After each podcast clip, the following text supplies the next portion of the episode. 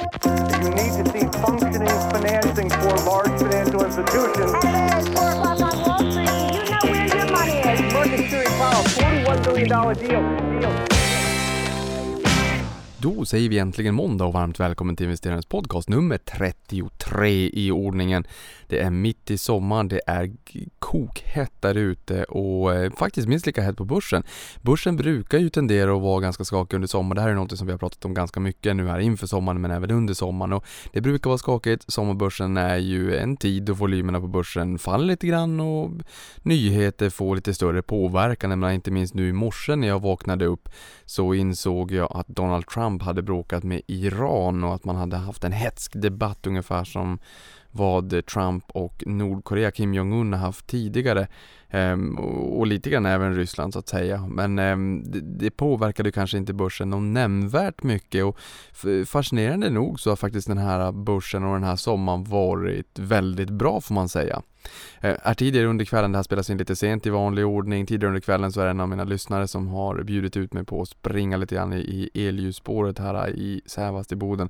Och tur att jag överlevde och en anledning till att jag gjorde det var väl förmodligen för att jag såg fram emot det här poddavsnittet tillsammans med dig och prata lite investmentbolag som är temat för dagen. och Sen inser jag att jag också får lägga bort lite tid från börsskärmen och kanske ge mig ut och träna lite mer för att riktigt dålig kondis. Men hörni, innan vi går in på investmentbolagen så tycker jag att vi ska stämma av lite grann hur börsen har sett ut senaste veckan och då börjar vi ju självfallet med hur börsen har gått och sen vilka bolag som har varit movers. Ehm, och då kan vi börja med OMXS30. Det, där har vi faktiskt en uppgång på 1,84% och den följde ju, alltså förra veckan då, den följde ju av veckan dessförinnan som också var positiv. Men innan det så hade vi några veckor som var ganska negativa. Och glädjande nog kan vi ju säga att Stockholmsbörsen faktiskt är på plus för hela året. Tidigare har jag ju sagt att det har varit på plus om man nu har räknat med när jag återinvesterade utdelningen. Eh, 630RX brukar jag kika på då, men nu är faktiskt Stockholmsbörsen på plus även om man inte väljer att titta på ett index som återinvesterar utdelningen. Så att äntligen, men det är verkligen på marginalen, vi är upp 0,16 för hela året så att det är ju inte med någon bred marginal. Men ändå så att säga, skulle vi stänga ungefär kring de här nivåerna, kring flat ungefär för hela året och, och en 3,5-4% upp inklusive utdelning, ja då ligger vi här raden av hur börsen har utvecklats ungefär då sen 2015, 2016, 2017 och så 2018. Det blir någon form av rekord faktiskt i, i ganska modesta mellanmjölksår. Vi har faktiskt inte haft en streak av de här 15, 16, 17 egentligen de senaste 20 åren. Så skulle vi stänga med, med en ganska modest upp eller nedgång i år så håller den in sig till fjärde året i rad med, med ganska ovanlig eh, nivå, ganska ovanlig svängning, ganska liten svängning så att säga ehm, under ett enskilt år. Men vi får väl se, det är ju en tid kvar. Men hörni, OMX30 då upp 1,84 och Mover där var faktiskt Tele2 som ökade 18% så den här har gått riktigt bra. Och vi vet ju att eh, Kinnevik vill fusionera då eh, Tele2 och Comhem och det är ju faktiskt under, eh, under pågående helt enkelt. Och Kinnevik har även beslutat på en extra stämma här 16 juli att man ska dela ut MTG till aktieägarna för att eh, skynda på och, och förenkla den här processen. Det är lite konkurrensskäl och sådär också. Så att det, det, det är eh, pågående helt enkelt. Sen har vi OMXSPI, Stockholmsbörsens breda index, upp 1,53 så lite mindre än det smalare eh, indexet men som liksom innehåller de tunga pjäserna då. Så det breda upp lite mindre och där är det Active Biotech för andra veckan i rad som glänser och här har vi en uppgång på 50%. Jag har sagt det förut och jag säger det igen, det här är verkligen biotechbolagens år.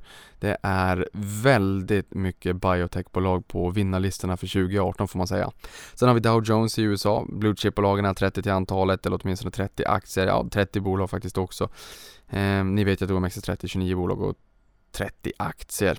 Eh, där har vi JP Morgan som upp 4,63%. Bankerna har fått lite mera fart och det har vi faktiskt också sett i Sverige får man ju ändå säga, bara bortsett om, om vi tittar tillbaka bara för någon vecka sedan. Ehm, men annars så har det varit kräftgång egentligen för bankerna de senaste åren när man har klippt kuponger.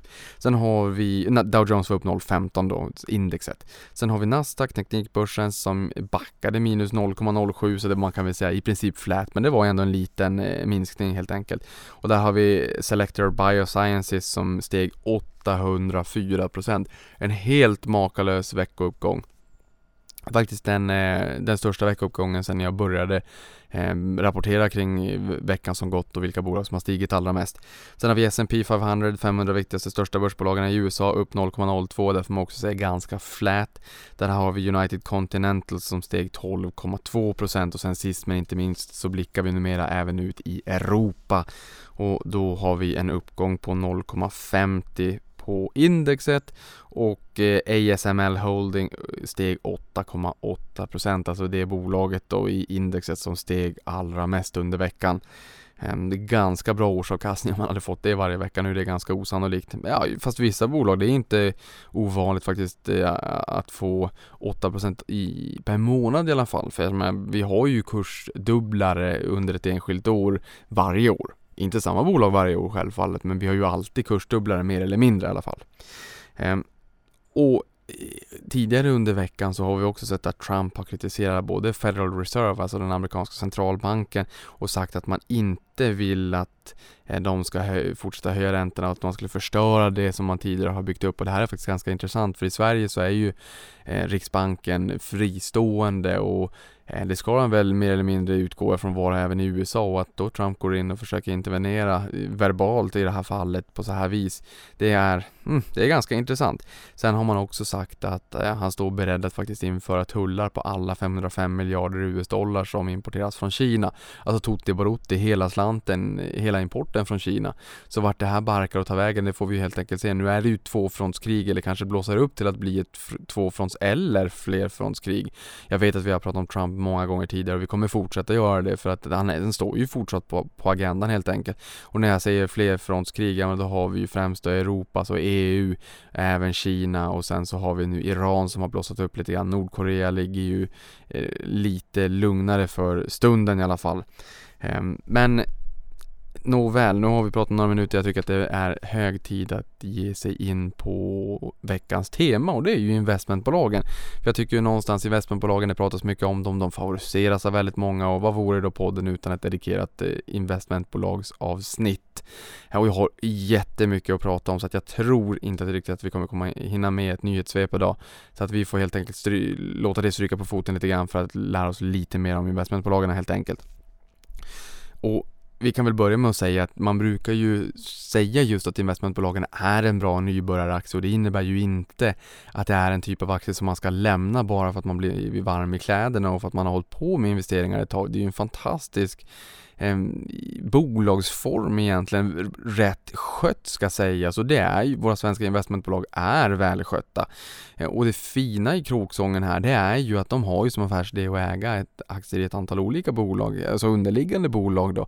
Så det blir ju egentligen som en fond mer eller mindre. En fond är som en godispåse, är det någon annan som plockar ihop karamellerna åt dig så slipper du göra det själv och slipper sätta in i det, hur karamellerna smakar, vilka som är goda, vilka e-ämnen de innehåller och vilka, ja om det är vegetabiliskt eller animaliska fetter och allt vad det kan tänkas vara och det ena och det andra och du ska screena efter allt möjligt, mjölk och mjölkprotein och allt vad det är. Så sätter någon ihop det där åt dig helt enkelt. Ehm, och det här är, fungerar ju egentligen på samma sätt. Det är ett investmentbolag, de eh, har som affärsidé att äga bolag i sin tur då så att säga. Ibland kan det vara större bolag, ibland kan det vara mindre bolag, ibland kan det vara turnaroundbolag, ibland kan det vara världsledande bolag. Eh, ibland kan det vara noterade och ibland kan det vara onoterade så det finns lite olika varianter där men vi kommer gå igenom dem alla som vi har på Stockholmsbörsen, de namnkunnigaste i alla fall. Eh, och just det här med varför det är en god nybörjaraktie, det är för riskspridningen. För jag menar aktiespararna, du, det vet du, jag tror att du har hört det tidigare. Man brukar ju säga någonstans, ha 10-15 aktier i 5-6 olika branscher. Då får du en god riskspridning. Sen finns det andra som tycker att nej, det behöver man inte. Man kan ha en 5-6 aktier, jag vill ha stenkoll på mina bolag och jag vill ha en koncentrerad portfölj. För är det så att jag har en för bred riskspridning, ja men då gör jag ju avkall för på potentialen i portföljen. Ehm, så att det, om man har en bred riskspridning kanske man kan se det som defensivt och har man en hög koncentration och verkligen vill läsa på stenkoll på bolagen så kan man se det ganska offensivt. Jag menar, även om du har stenkoll på bolagen så kan du inte alltid ha stenkoll på olika makroekonomiska faktorer eller externa faktorer som påverkar bolaget som man själv inte kan styra över. Och det är ju självfallet en högre risk med att då ha ett mindre antal bolag i portföljen men också en förmodligen större potential. För är det något bolag som går väldigt bra, ja men då får den en större tyngd i en lika viktad portfölj med 5-6 bolag istället för en lika viktad portfölj med 10-15 bolag. Så är det ju. Någonting som jag också brukar få en fråga kring det är just P talet som är ett klassiskt eh, nyckeltal, eller multipel där man tittar på hur många gånger årsvinsten betalar man för ett bolag. 100-årssnittet ligger på någonstans 14-15 och det är ungefär där vi ligger faktiskt just nu på Stockholmsbörsen. Bankerna har lägre värdering, de drar ner lite grann, andra bolag drar upp lite grann. Kolla alltid det enskilda bolaget och sätt det i relation till historien. Vad har bolaget handlats till för P talsmultipel tidigare? Ja, var hittar man det då? Ja, en sida som jag kan rekommendera är 4-traders.com och sen går man in på financials. Man skriver bolagsnamnet och sen så går man in på financials. Så ser man eh, en bit ner i högerkolumnen P talet just nu och sen ser man estimaterna tre år framåt och sen så ser man eh, ett antal år bakåt och så ser man snittet där också. Anledningen till varför man inte kan använda ett P tal när man ska värdera investmentbolag det är ju att om de äger aktier i ett antal olika bolag. Ja men de redovisningsreglerna som gäller nu gör gällande att man måste ta upp och redovisa fluktuationerna i portföljen. Så är det så att de sitter och äger ett antal aktier som de inte har sålt från första kvartalet till andra kvartalet men att aktierna har gått ner. Ja då måste du ändå redovisa det som en eh, förlust. Ehm, och är det så att de har stigit så måste du redovisa det som en, en eh, intäkt. Och det där blir ju lite fel, för jag menar det är ju klart, det är bara att gå till sig själv. Skulle du, ja men säg att du jobbar så att säga och får in en lön på kontot varje månad. Ja, då är det ju det du har att röra dig med. Eh, och sen så har du lite rörelsekostnader, alltså lite elräkningar och lite mat och lite kläder och allt vad det kan tänkas vara. Och sen har du ett rörelseresultat och sen har du lite finansieringskostnader med kreditkort och bolånekostnader och allt vad det är. Eh, eller bolåneräntor så att säga. Och sen har du ett resultat efter finansnetto. Um, och, och det, det, blir liksom om man då ska jämföra med dig privat som hushåll. Men du kommer ju inte gå och fundera kring, jaha, men vad var bostaden värd igår och vad är den värd idag? Oj, den är värd 20 000 kronor mindre i, idag än igår och jag fick in 20 000 kronor på kontot då i lön säger vi.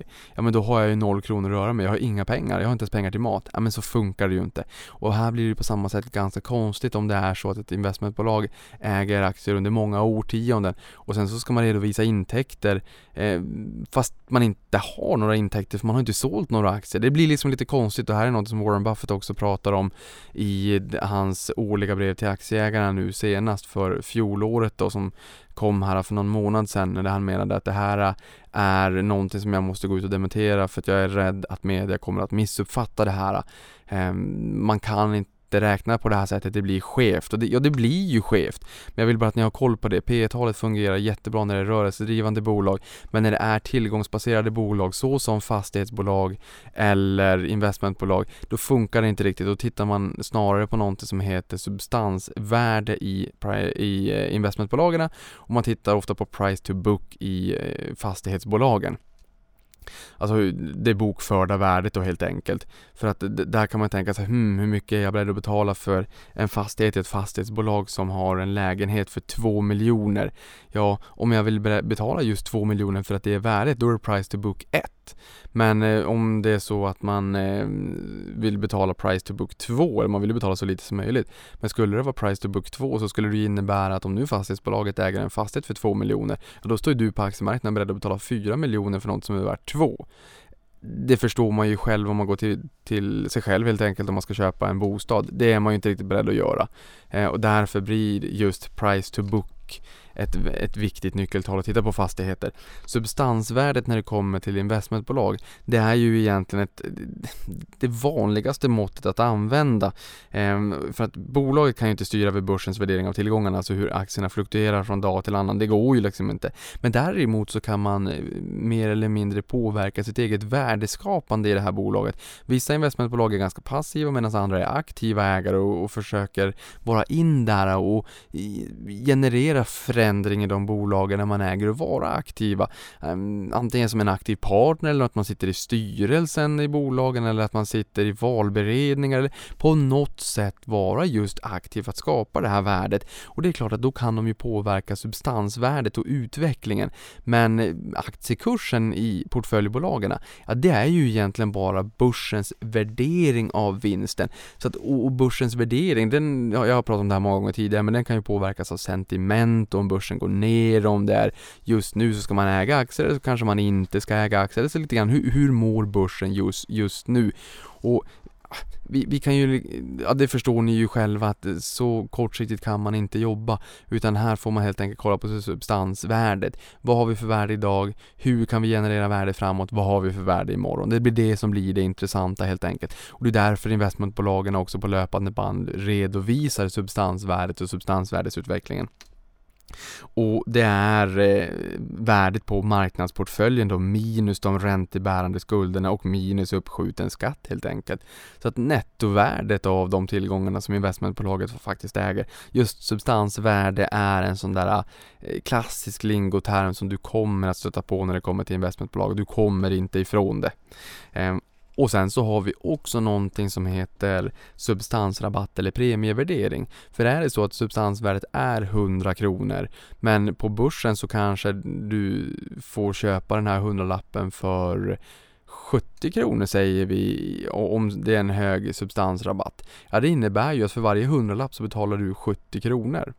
Eh, vilket kan vara ganska trevligt men det finns också skäl till varför det ibland kan vara en substansrabatt. Det kanske är så att man tror att det här bolaget inte alltid agerar i aktieägarens bästa utan att det snarare är ett maktbolag.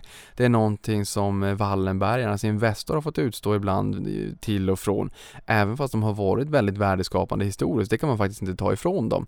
Medan i andra bolag då har vi sett en premievärdering. Alltså att man har betalat 103, 104, 105, 106 kronor för varje hundralapp hundralapp. Du har alltså stått beredd, beredd att betala mer än 100 kronor eh, för varje 100 kronor värde du får genom att köpa aktien. Så att genom att köpa exempelvis Melker Schörling, nu finns ju inte de på börsen längre, men då stod faktiskt marknaden beredd att betala 106-107 kronor, även fast man bara fick 100 kronor. Eh, och det kan väl finnas skäl till det också. Oftast så är det ju att det är ett väldigt bra track record och det intressanta med Melker Schörling var ju att det var bara en, en handfull bolag en 4-5 till antalet och samtliga var börsnoterade. Men där är det liksom, man, människan är ju inte alltid strängt kalkylerande, nyttomaximerande och många tyckte att Melker Schörling hade gjort ett jättebra jobb under åren och man kanske också tänker att ja, men antingen så kan jag plocka ihop de här själv och sen så vet jag inte vad jag ska skala upp i och eh, jag köper Melker Schörling istället så får jag hela portföljen och sen så får jag hans värdeskapande. Det kostar mig lite mer men äh, det spelar väl ingen roll. Eh, det, det, har vi sett till och från men det vanligaste är att det är en viss substansrabatt. Jag menar, det kan ju också vara så att du köper ett investmentbolag och att du får ett antal olika karameller i den här godispåsen men du kanske faktiskt inte gillar alla godisar. Du kan inte välja bort en av dem utan du får ju hela portföljen. Eh, och det kan ju också leda till att det blir en liten substansrabatt faktiskt. Eh, och sen har vi någonting annat som är intressant också som har varit i fokus de senaste åren. Det är ju kostnader för sparande och förvaltning. Och jag tror att tittar vi på en aktiefond i Sverige så ligger väl den på en kanske 1,4% eller något sånt där i, i årlig avgift. Och sen så har vi ju på det även kostnader för courtaget. Eh, för att 1,4 procent, alltså förvaltningsavgiften är ju en avgift för sig. Det är alltså den avgiften som det kostar för fonden och förvaltaren att förvalta själva fonden. Sen har vi också avgifter för förvaringsinstitut, legala kostnader, marknadsföringskostnader och allt vad det är. Det läggs på toppen på det. Och då kan man gå in om man vill på Avanza, ser man, sök på en fond, då redovisar vi den årliga avgiften, då ingår de här extra kostnaderna. Men det som inte ingår, det är ju courtagekostnaderna. Därför att om en fond köper och säljer mycket aktier, men man, alla fonder har en omsättningshastighet. Den kan vara hög och den kan vara låg. Nu är det inte fonder vi ska prata om det blir bara en kort utsvävning. Men omsättningshastigheten anger hur stor andel av portföljen som omsätts under ett enskilt kalenderår. Och för mig som är långsiktig, då är ju min omsättningshastighet otroligt låg. Jag gör ju sällan förändringar och köper på mig aktier löpande under året, men jag gör ju sällan förändringar med de aktierna jag sitter på. Men en fond som köper och säljer väldigt mycket under året kommer att ha en hög omsättningshastighet. Och det innebär ju också att man betalar mycket courtage och det läggs ju på toppen som grädde på moset helt enkelt. Här är det ju en fördel för investmentbolagen att kostnaderna för förvaltningen är otroligt låga. Ta Latour som exempel, där Dagens Industri har skrivit att det förmodligen är Stockholmsbörsens finaste investmentbolag sett till historisk performance. De har gett någonstans 24% om året sedan 85. Eh, då kan man väl säga att de ligger på 10 punkter. 10 punkter är alltså 0,1 procentenhet i kostnad. Eh, och hur vet man vad kostnaden är då? Jo, sätt kostnaderna för förvaltningen i investmentbolaget i relation till AUM, Assets Under Management, förvaltade tillgångar. Så om ett bolag har förvaltningskostnader på 20 miljoner kronor och eh, vi säger att de har eh, 20 miljarder i substansvärde, ja men då blir det ju 10 punkter helt enkelt. Och som vi alla vet så kostnaderna ska man inte förringa. Det gör enormt mycket över tid och jag menar Latour är ett bolag som har ett börsvärde på 61 miljarder. Det ligger ungefär kring pari med, med substansvärdet också. Börsvärdet är vad börsen är beredd att betala för bolaget. Kommer ni ihåg? Substansrabatt eller premievärdering. Men här ligger börsvärdet och substansvärdet ungefär i pari. Jag tror att Eh, det, det, har varit en eh, liten premie nu på senare som har kommit ner lite grann. Ehm, men där, jag menar, de är 20 anställda om jag inte missminner mig på bolaget och är du 20 anställda och har lite omkostnader och sådär men förvaltar eh, närmare 60 miljarder, ja då förstår man ju också att det där kommer vara en ganska billig förvaltning helt enkelt. Men vi har ju ett antal olika investmentbolag på börsen, alltifrån de stora till de kanske lite mindre. Och en, en, kort liten lista, vi går igenom den lite snabbt. Du kommer känna igen de flesta tror jag. Men vi går igenom namnen och sen går vi igenom börsvärdet. För det du kanske inte känner igen, eller kanske inte visste, det är väl liksom vilka eh, som är störst och hur börsvärdet ser ut för de respektive bolagen. Investor, Wallenbergarnas bolag, är det största investmentbolaget på börsen mätt i börsvärde. Det är värt 288 miljarder kronor och det är ganska långt ner till tvåan som är Kinnevik på 87 miljarder. Eh, Industrivärden på 80 miljarder, Lundbergs på 70 miljarder, Latour på 61 miljarder, Sen har vi ett jättehopp ner till Ratos på 10,5 miljard. Det har nog gått ner ganska mycket på senare tid för Ratos tyvärr. Sen har vi Bure på 6,7 miljarder, Öresund på 6,5 miljard, Spiltan, investmentbolaget AB Spiltan onoterat på alternativa. Eh, den ligger på 4,4 miljarder, det är ju Per och Börjessons då. Sen har vi Creades på 3,2 miljarder, Traction på 2,6 miljarder och sen har vi Svolder på 2,5 miljard. Sen har vi också ett bolag som heter Havsfrun, men det har inte jag med i den här genomgången. Det ligger på ungefär 200 miljoner, så att det är ju eh, väldigt litet i sammanhanget, speciellt litet om man lägger i, sätter det i relation till Investor på 288 miljarder. Men hörni, jag tänker så här att vi också ska gå igenom de här bolagen eh, ett efter ett efter ett och, så att vi får lite kött på benen kring de olika investmentbolagen och börjar vi då med det största Investor, det är ju Wallenbergssfären.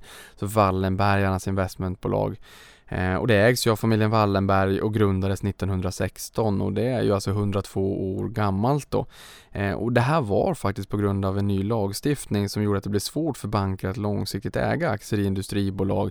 Kom eh, en tid efter, eller det grundades ju 1916, men en tid efter Krügerkraschen var ju 1929, 30, 31 någonstans och då var det ju depressionen också. Och det gjorde ju att man fick väldigt mycket tillgångar, alltså säkerheter som man hade eh, fick man när, när eh, bolag inte riktigt kunde göra rätt för sig helt enkelt. Och det är upprinnelsen till många investmentbolags eh, ägande i de svenska börsbolagen.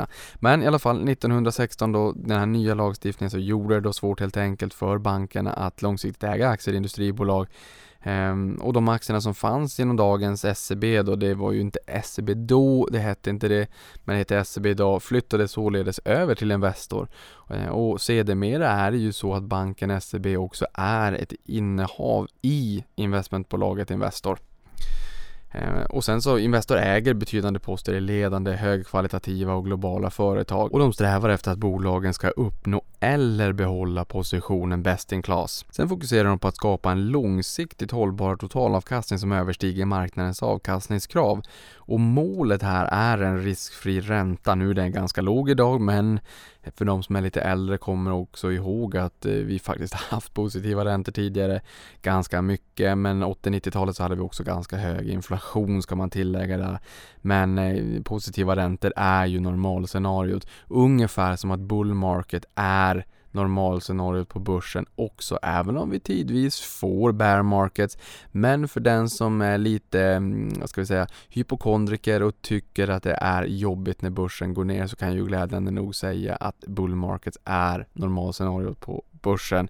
Eh, bear markets är bra lägen att fiska på sig lite grann i aktier i de bolagen man vill äga långsiktigt. Så länge man har en långsiktig horisont och faktiskt kan stå ut med att det svänger lite grann i portföljen. Det var en utsvävning. Eh, det finns ingen här som säger åt mig och ger mig en pekpinne att rätta mig tillbaka till den röda tråden men jag har lärt mig att göra det själv.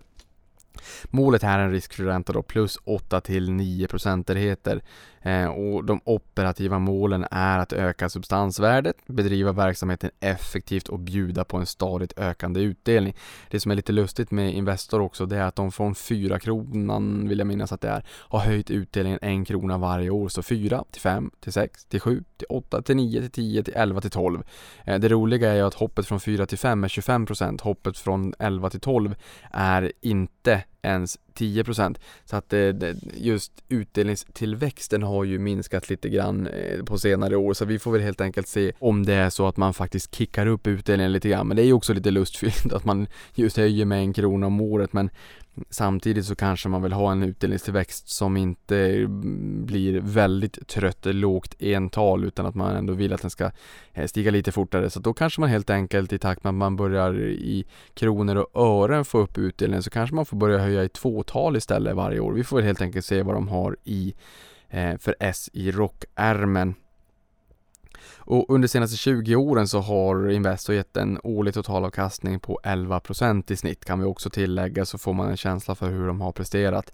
Eh, och jag brukar ju säga det, vilket eh, lämpar sig ganska bra när vi pratar om Investor, att eh, två tredjedelar av totalavkastningen sedan 1987 när jag föddes har kommit från utdelningen och en tredjedel är kurstillväxten. På tal om att det är viktigt att faktiskt återinvestera utdelningen över tid också. Den är en stor Eh, bidragande faktor till den totala avkastningen man får över tid. Är det så att man tar utdelningen och lever upp den eller får en guldkant på tillvaron och inte återinvesterar den så kommer man betala en väldigt hög prislapp för det är allt som oftast i alternativavkastning. Så det där är också viktigt att ha med sig och eh, just är det så att man är tidigt i sin investerarkarriär, ja, men då kan det ju vara så att man faktiskt kan återinvestera det där. Är man lite senare i karriären, kanske så att man är senior och ska gå i pension och vill ha en lite guldkant på tillvaron och faktiskt är beroende av pengarna i portföljen. Ja men då är det ju logiskt och rimligt att man då kanske inte eh, faktiskt eh, återinvesterar där. Sen vill jag också påminna att när man är 65 så har man förmodligen väldigt många årtionden framför sig, ja två åtminstone i alla fall förhoppningsvis framåt. Så att bara för att man går i pension betyder det inte att man har en kort tidshorisont. Nu springer tiden verkligen iväg så nu måste jag snabba mig för vi ska gå igenom alla investmentbolag och vi har hunnit med ett nätt och jämnt. Affärsområdena för Investor är noterade kärninvesteringar, Patricia Industries för den onoterade delen och sen har vi EQT som är deras riskkapitaldel som man är delägare i idag. Eh, den noterade delen är värd 284 miljarder eller 72% av tillgångarna. Patricia Industries där Börje Ekholm var VD tidigare innan han tog över Ericsson är värd 97 miljarder eller 24 procent av tillgångarna och sen EQT då det är 16 miljarder eller 4 procent av tillgångarna. Jag vill också säga att alla siffrorna som jag drar i den här podden baseras på den senaste årsredovisningen för respektive bolag kan också vara värt att ha med sig. Vi är ju mitt i rapportsäsongen när Q2 för 18 kommer så att jag är ju faktiskt hela två kvartalsrapporter bakåt i den här podden, eh, alltså 2017 års årsredovisning.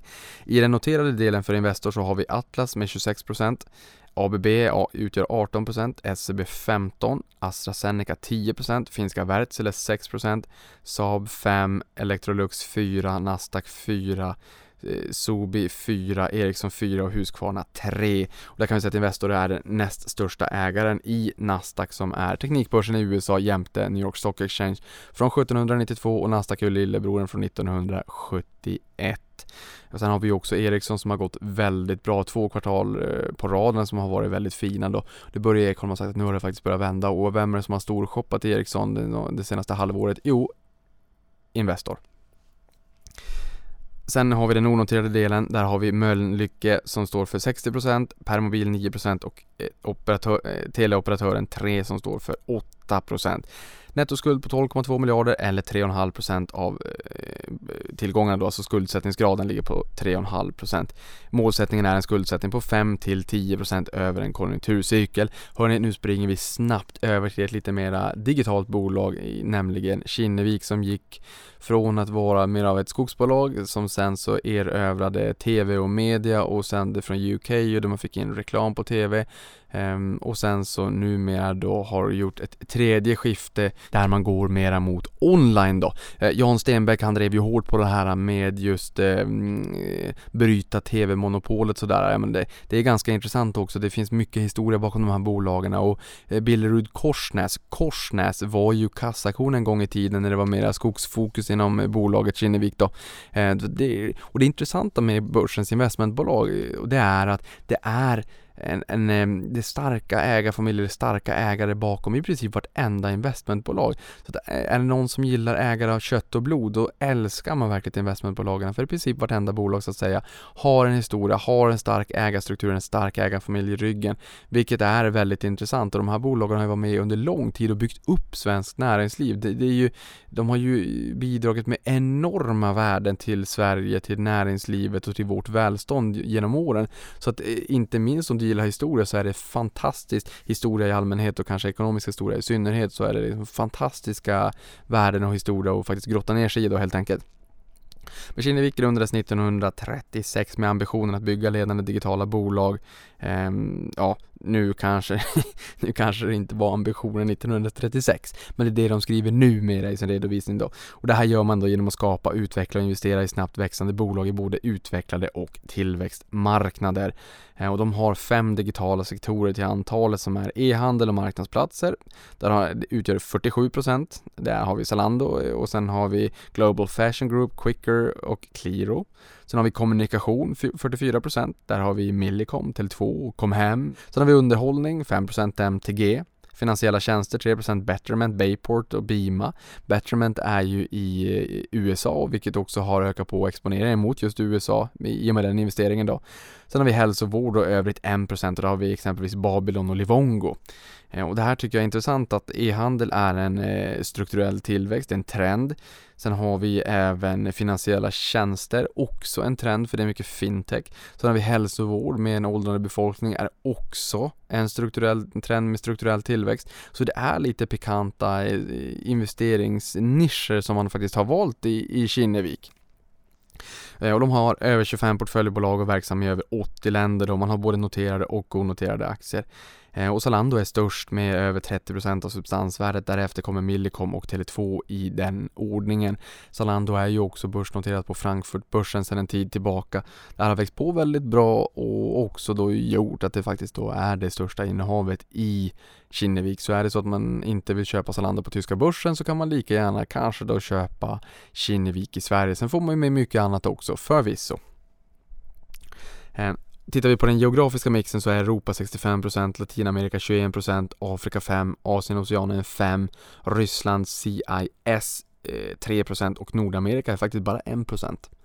Eh, finansiella målen för Kinnevik är att ge en attraktiv avkastning, alltså en årlig totalavkastning om 12 15% över en konjunkturcykel. Låg belåning, ska inte överstiga 10% av portföljvärdet och ökande ersättning till aktieägarna. Det är en utdelning som ökar i linje med portföljbolagens utdelning och kassaflödet från investeringsverksamheten. Eh, totalavkastningen om vi kikar på den, senaste 30 åren har Kinnevik gett 14% om året, senaste 10 åren har den legat på 11, senaste 5 åren 21% och sist men inte minst de senaste 12 månaderna så har vi fått 31%. Nu hörni, ger vi oss vidare till nästa bolag. Häng med, håll i er. Vi ska prata om industrivärden.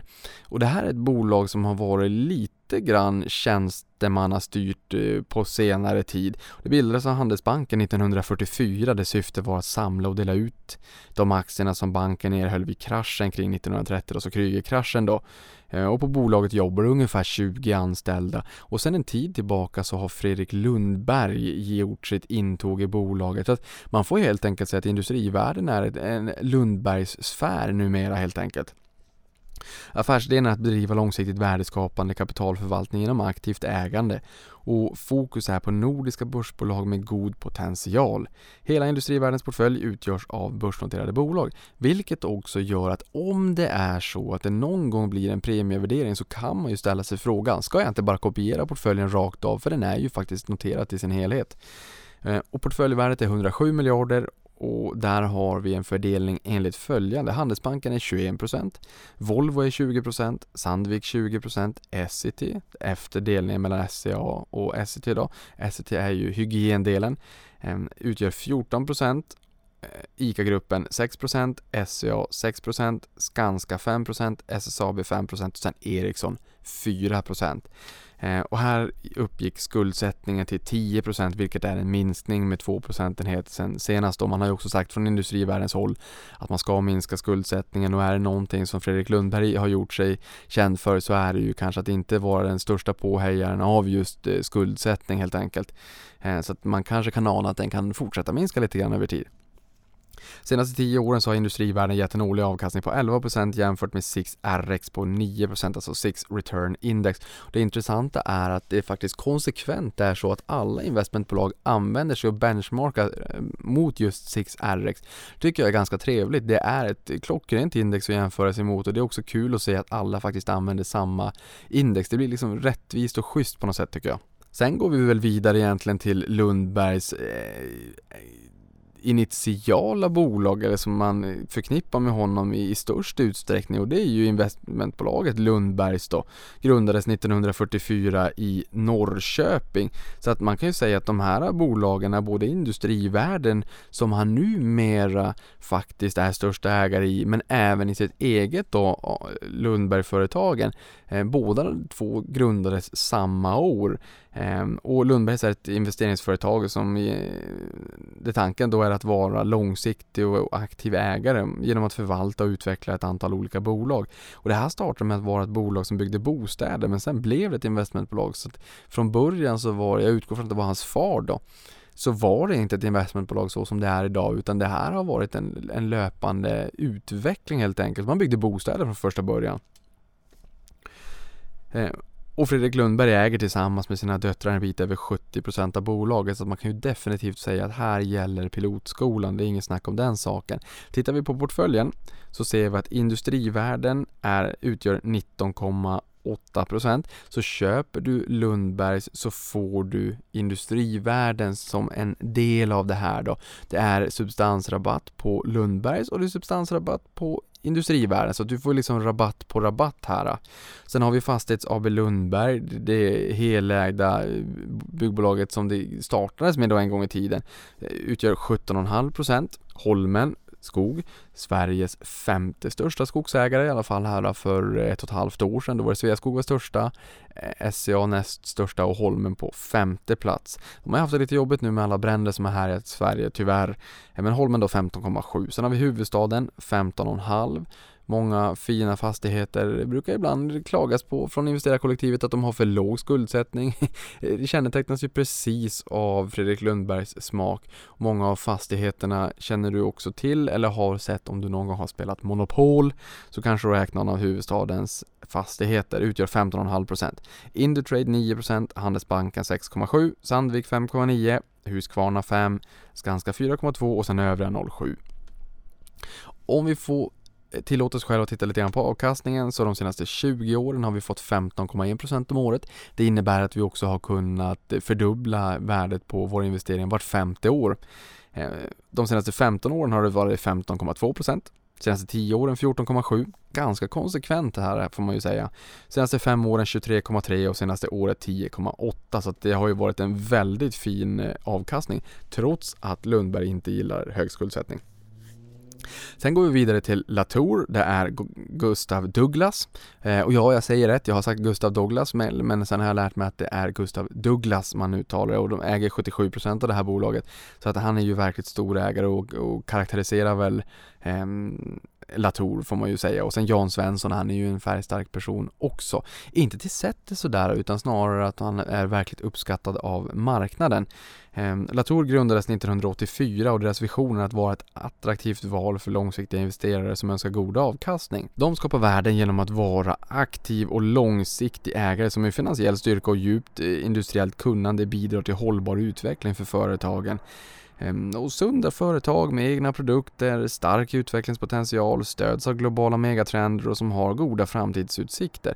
Och här har ju Dagens Industri också skrivit tidigare att det här är förmodligen Stockholmsbörsens finaste bolag då sett till historisk performance där man har någonstans har gett 23% om året sedan 1985. Och det jag gillar med Jan Svensson också, jag intervjuade han i den här podden avsnitt 10. Det är verkligen eh, värt att lyssna på om du inte redan har gjort det. Eh, han sålde sitt bolag som, han var tre tredje generationen om jag har förstått det hela rätt, sålde bolag inom familjen som grundades 1919, sålde i början på 90-talet till Latour och sen ett antal år senare så fick han frågan om han ville bli VD för Latour. Eh, och det där är ju ganska intressant för då har han gjort hela resan. Han har varit företagare, familjeföretaget, sålt det till Latour som vill köpa in bolaget och låta det blom, blomma ut så att säga med decentraliserad modell.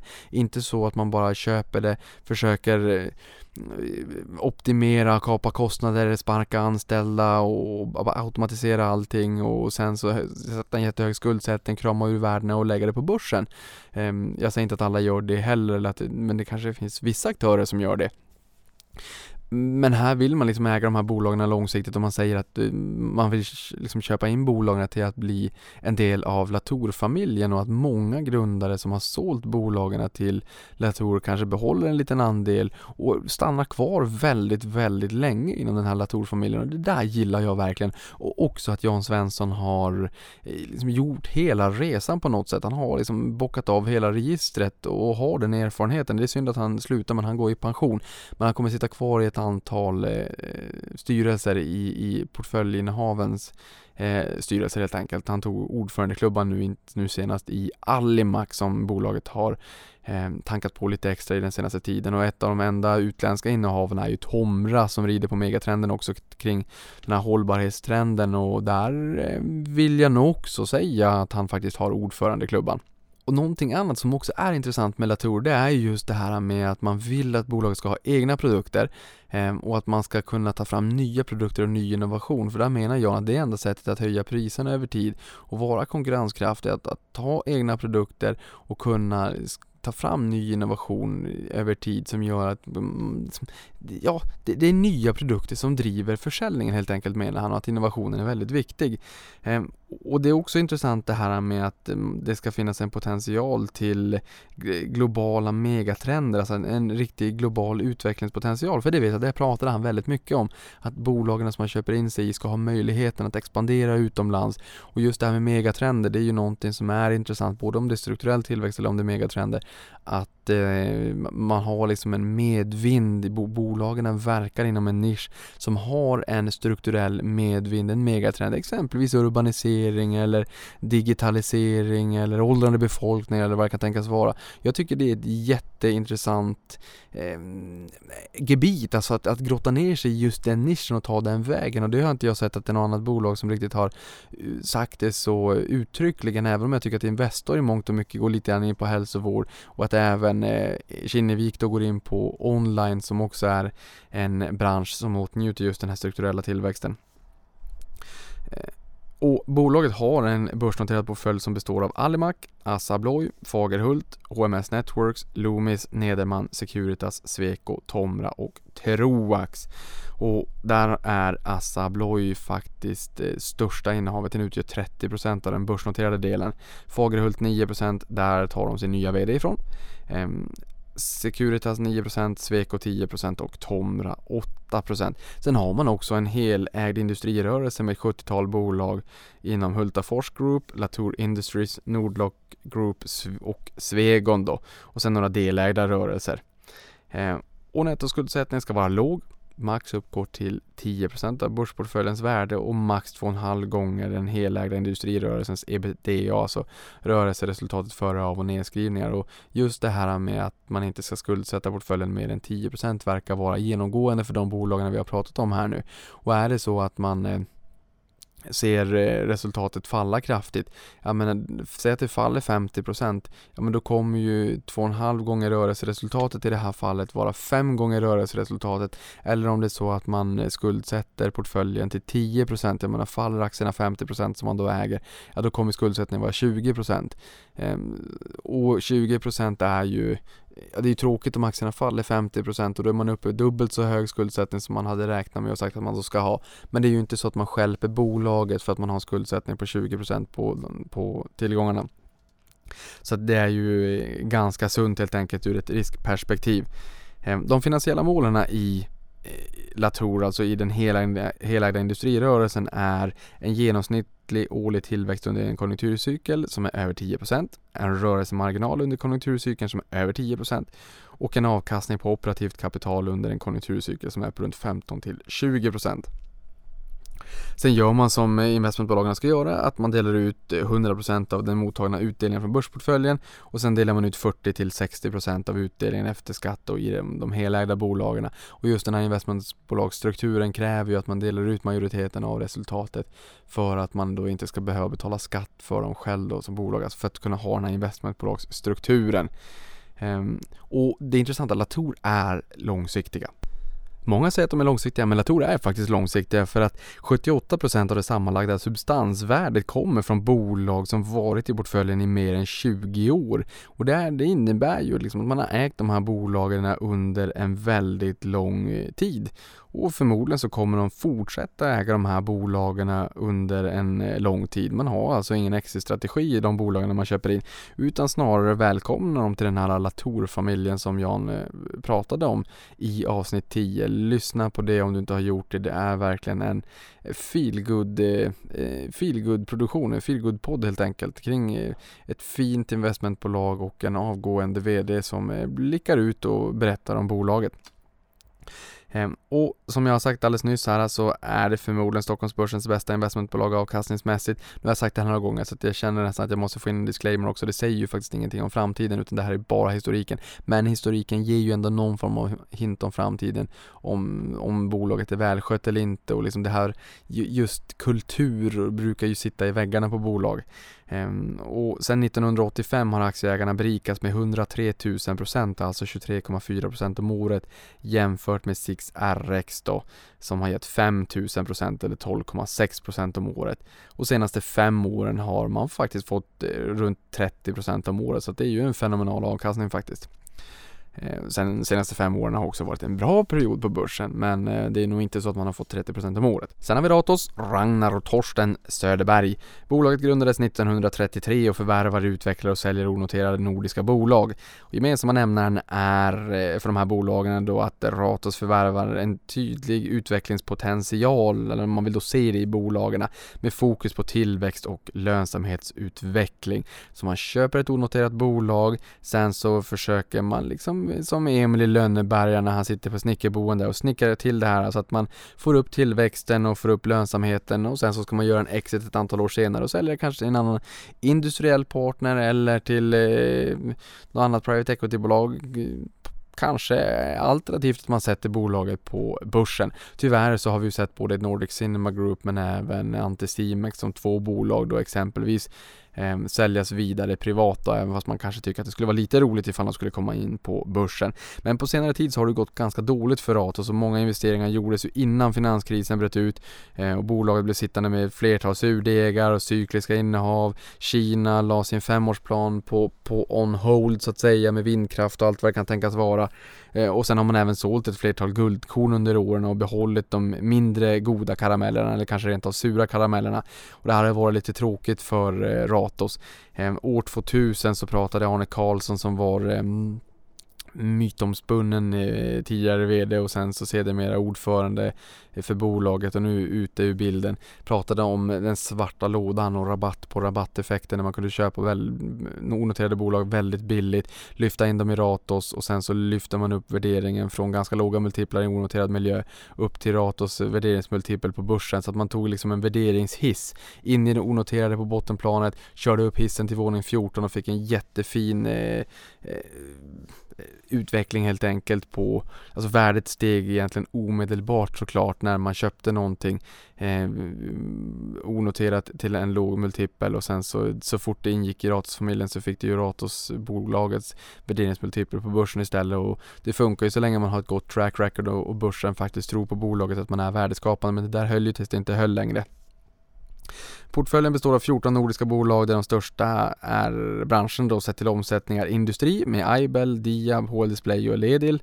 Eh, sen har vi bygg med Hent och Airstream och sen har vi konsumentvaror och handel med Plantagen eller Plantagen, Gudrun Sjödén, Jotul och Oase Outdoors för att nämna några. Sen har de exempelvis Bisnode, Kvarndammen, Bil med flera. Bisnode har ju, eh, det är ju också Betssons gamla VD som gick över och rattade Bisnode här för ett antal år sedan. Ehm, och 75% av omsättningen genereras i Norden, 14% i Västeuropa, 2% i Nordamerika och Östeuropa och sen var, var för sig då. Och sen 7% i övriga världen. Så även här har vi ett bolag som har väldigt liten andel i Nordamerika. Ni kommer ihåg Kinnevik hade 1%, här har vi Ratos 2% då helt enkelt och det är ju omsättningsmässigt. Ehm, sen så kom man med nya finansiella mål som var ganska mjuka och i bjär kontrast till när Arne Karlsson då pratade om den här svarta lådan år 2000 och rabatt på rabatteffekten. Och man skulle liksom ha en, en eh, man skulle ha en internal rate of return på minst 15% i bolaget och nu har man kommit och sagt att nej, man ska ha en avkastning som ligger någonstans i linje med Stockholmsbörsen och det här är ju otroligt defensivt, speciellt för ett bolag som investerar i onoterade bolag där risken allt annat lika är högre och man också bör få en rabatt eh, för att det är en illikvid placering och ett onoterat bolag. Eh, och här har jag också pratat med en person eh, tidigare som jobbade på managementnivå i, i Ratos Ehm, för ett antal år sedan och bekräftade den bilden också och sa att jo, det här är väldigt defensivt. Ehm, jag tyckte inte alls om det riktigt när jag såg det så att jag, ehm, ja, jag är lite försiktig med den i alla fall. Det, det, är ju ett people's company och det är ju alla de här bolagen. Det är inte jättemånga människor men man ska ändå ta beslut och man ska vara duktig på det man gör och det är de säkert också. Men man har ett litet jobbigt eh, track record och jag gillar inte riktigt att man sänker ambitionen och garden så här och det kan också finnas en liten risk att man blir lite fat and happy eller att man är bränd helt enkelt sedan tidigare år för att Ratos har haft en väldigt jobbig utveckling under ganska lång tid. Ehm, kanske det är så att de får upp farten och glöden igen och att de då kanske sätter lite mera fist i eh, mål helt enkelt kontra de ganska mjuka som man nu har ändrat till då. Och Ratos, eller Ragnar och Torsten Söderberg äger tillsammans med stiftelser 36,6% av kapitalet i bolaget. Nu vidare till nästa bolag och det är Bure. Grundat 92 ur de avvecklade löntagarfonderna och börsnoterades 93 eh, och hörnstenarna i bolaget ska vara djupt engagemang och hög närvaro i portföljbolagen. Eh, och består av nio bolag, varav sex är börsnoterade. De börsnoterade är Cavotec, Eh, Finland om jag inte är ute och cyklar.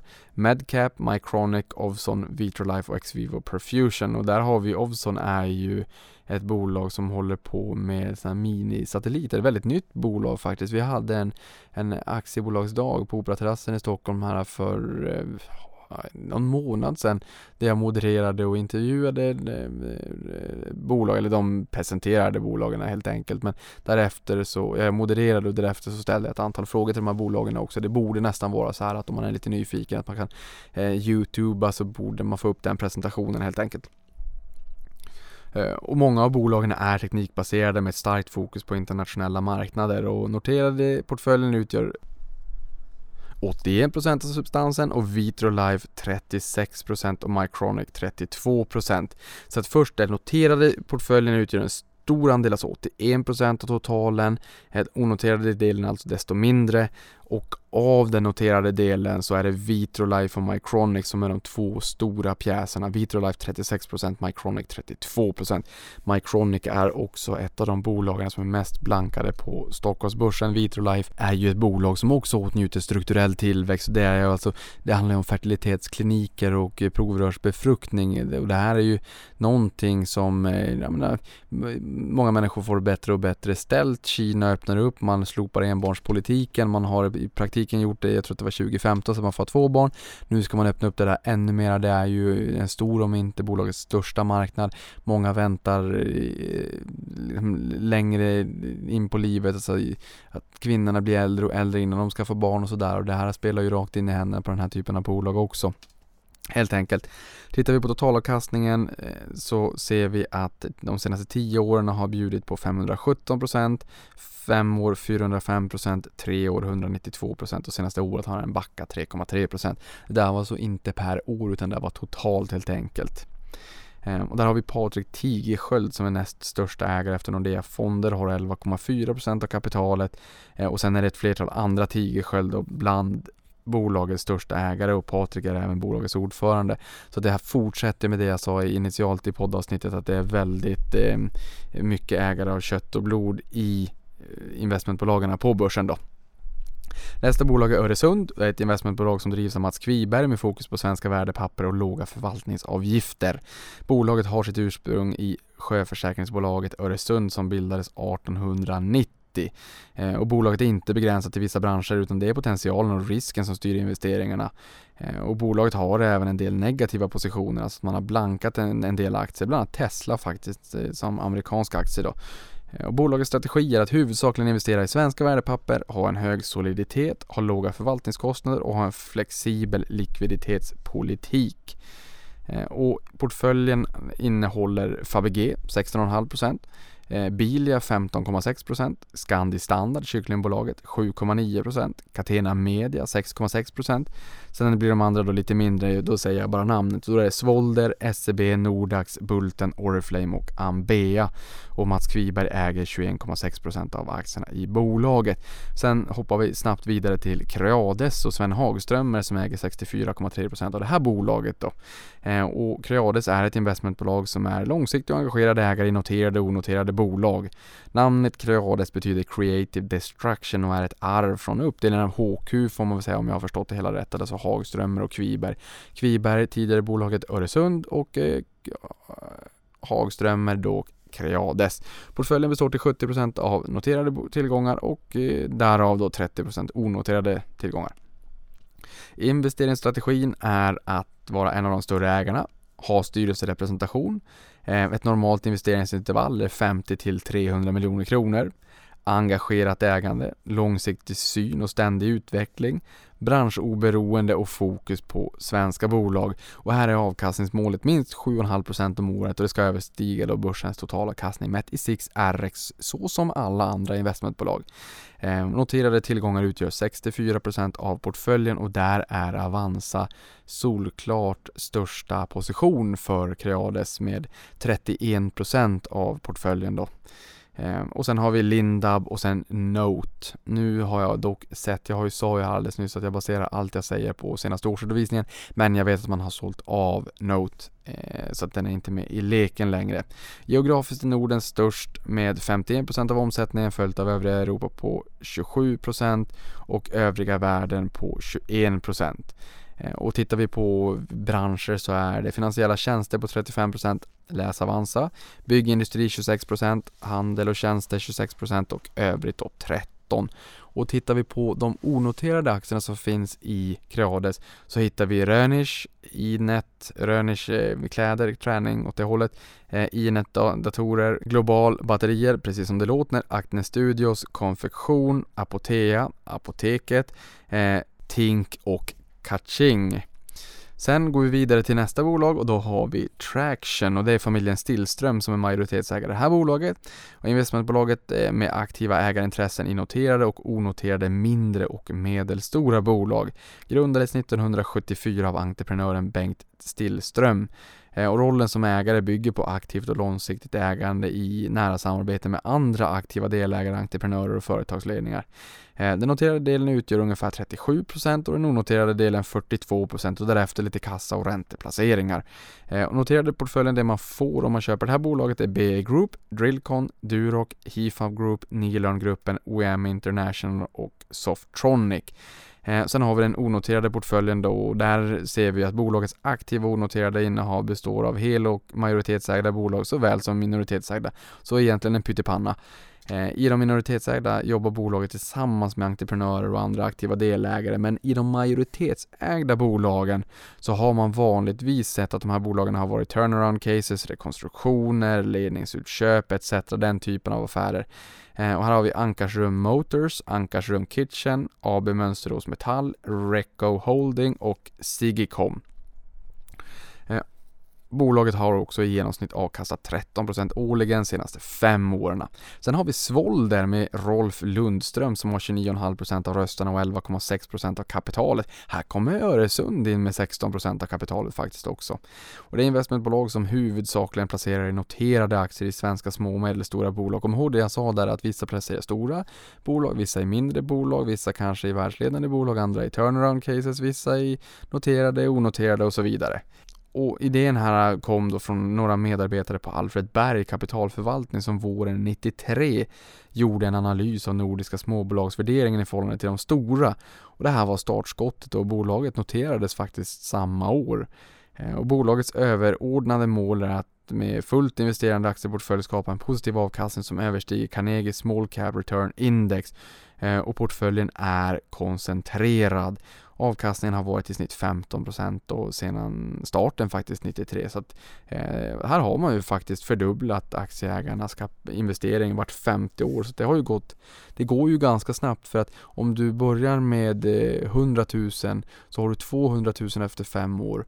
Sen har du 400 000 efter 10 år. Sen har du 800 000 efter 15 år så 1,6 miljoner efter eh, 20 år. Så från 100 000 till 1,6 miljoner, så det går liksom bara snabbare och snabbare. Det är ju precis som ni vet, det är ju ränta på ränta effekten. Portföljen består av eh, upp till 25 utvalda aktieinnehav och de 10 största är Troax med 13%, Mekonomen 6,7%, Scandic Hotels med 6,2%, eh, Garo 6,1%, Platser 5,5%, Serneke 5,2%, Saab 5,1%, Klövern 5,1%, Bull Diagnostics 5,1 och Acando 4,9%. Och kikar vi på avkastningen så senaste året har man fått 30% eller ja då senaste året från eh, under 2017 då för det här är ju baseras ju på årsredovisningen. Sen tre år 136% och fem år 329%. Och det mina vänner, det var faktiskt eh, de investmentbolagen som vi har på börsen. Är det nu så att ni har några funderingar kring hur man ska tänka, varför man inte kan använda P tal vad substansvärde är, substansrabatt, premievärdering, hur man ska tänka Ehm, så skicka iväg eh, en fråga på Twitter, ät investeraren alternativt ehm, mejla mig till kontaktetinvesteraren.com. Jag är lite sävlig ibland på att svara och det är ju för att det, det rasar in ganska mycket kontakter. Det kan vara ett hundratal, det är flera hundra per dygn om jag mäter in alla kanaler. Jag vill ju svara på allting men eh, det tar lite tid. Så att är det så att du har skickat eh, in någon fråga och kontaktat mig men inte fått svar så är det inte för att jag inte vill svara utan snarare för att jag måste bara hitta tiden till att göra det. Men jag tycker att det är buskul att ni hör av er hela tiden. Jag gillar det verkligen. Det är liksom en av, de, en av skälen till att jag fortsätter just med den här interaktionen och dialogen med just dig som lyssnar. Det är fantastiskt roligt och ger enormt mycket energi. Men eh, innan jag kom på att jag inte skulle hinna med ett nyhetssvep så, så skrev jag två i alla fall. Två stycken puckar. Så jag kan väl dra dem då i alla fall snarare än att kasta det kan jag inte med. Och där är investmentbolaget AB Spiltan som har investerat i AR-bolaget XM Reality och äger 3,39% av bolaget då. Eh, och VD Per-Håkan Börjesson sa till dig att det är en spännande teknologi som vi tror kan utvecklas. Och det är ganska liten investering för oss men vi känner att det, teknologin är verkligen på gång och jag tror nog faktiskt att med hålla med honom. Det är för att det här med service och support och sådär och säg att eh, bilen går sönder och du riktigt inte vet vad du ska göra och du står mitt ute i ingenstans och jaha, vad gör jag nu då? Jag är 20 mil från närmsta eh, hjälpställe och nu kanske du inser att det kanske inte är i Stockholm utan snarare uppe i lappmarkerna. Ja, då kan du bara koppla upp din telefon om du har 4G-täckning och med AR-teknologi så är det någon som kopplar upp sig på din telefon och lägger på ett lager på telefonen så att när du med din kamera kikar och håller den över bilmotorn så ser du bara en hand som sveper över och pekar på olika komponenter och vad du ska göra och sådär. In på XM, XM Reality ihopskrivet på deras hemsida och kika på den informationsvideon. Det är ganska intressant att se den. Och då börjar man förstå också så att även om inte just det här bolaget slår så teknologin är ju här för att stanna. Och jag menar, det här ser vi ju, det här är både virtual reality men även eh, augmented reality, alltså förstärkt verklighet kommer ju mer och mer det ser vi i alla nya telefoner och Apple inte minst då, som, som också har lanserat det här i sina senaste telefoner. Sen har vi eh, Amazon som hade Prime Day i måndags 16 juli eh, och 36 timmar framåt. De hade lite jobbigt med sin hemsida som var nere under en stund. Men man såg sin aktie passera 900 miljarder US-dollar och kampen mot 1000 miljarder US-dollar är eh, helt enkelt igång och vi får se vilket bolag det som vinner, visar sig Apple eller Amazon eller Microsoft. Vi får helt enkelt se vem som hinner förbi, eh, men det är en enorm milstolpe, det får man ju säga. Ehm, och hack i häl på Apple i kampen då, man når just de här första tusen. Jag tror att Apple ligger väl bäst till just nu då. Eh, och aktien nu har då stigit 123 000 procent sedan IPO 97, det är helt galet. Och med det sagt hörni, tack för mig. Så kommer det att komma ut ett antal bonusepisoder den här veckan. I, det kommer att komma ut Scout Gaming, det kommer att komma ut en råvaruspecial med Anders Söderberg, tidigare enskilda råvaruanalytiker och det kommer att komma ut ett bonusavsnitt med Marcus Hernhag också. Men eh, med det sagt, in på småtimmarna nu här säger jag tack och godnatt. Wow,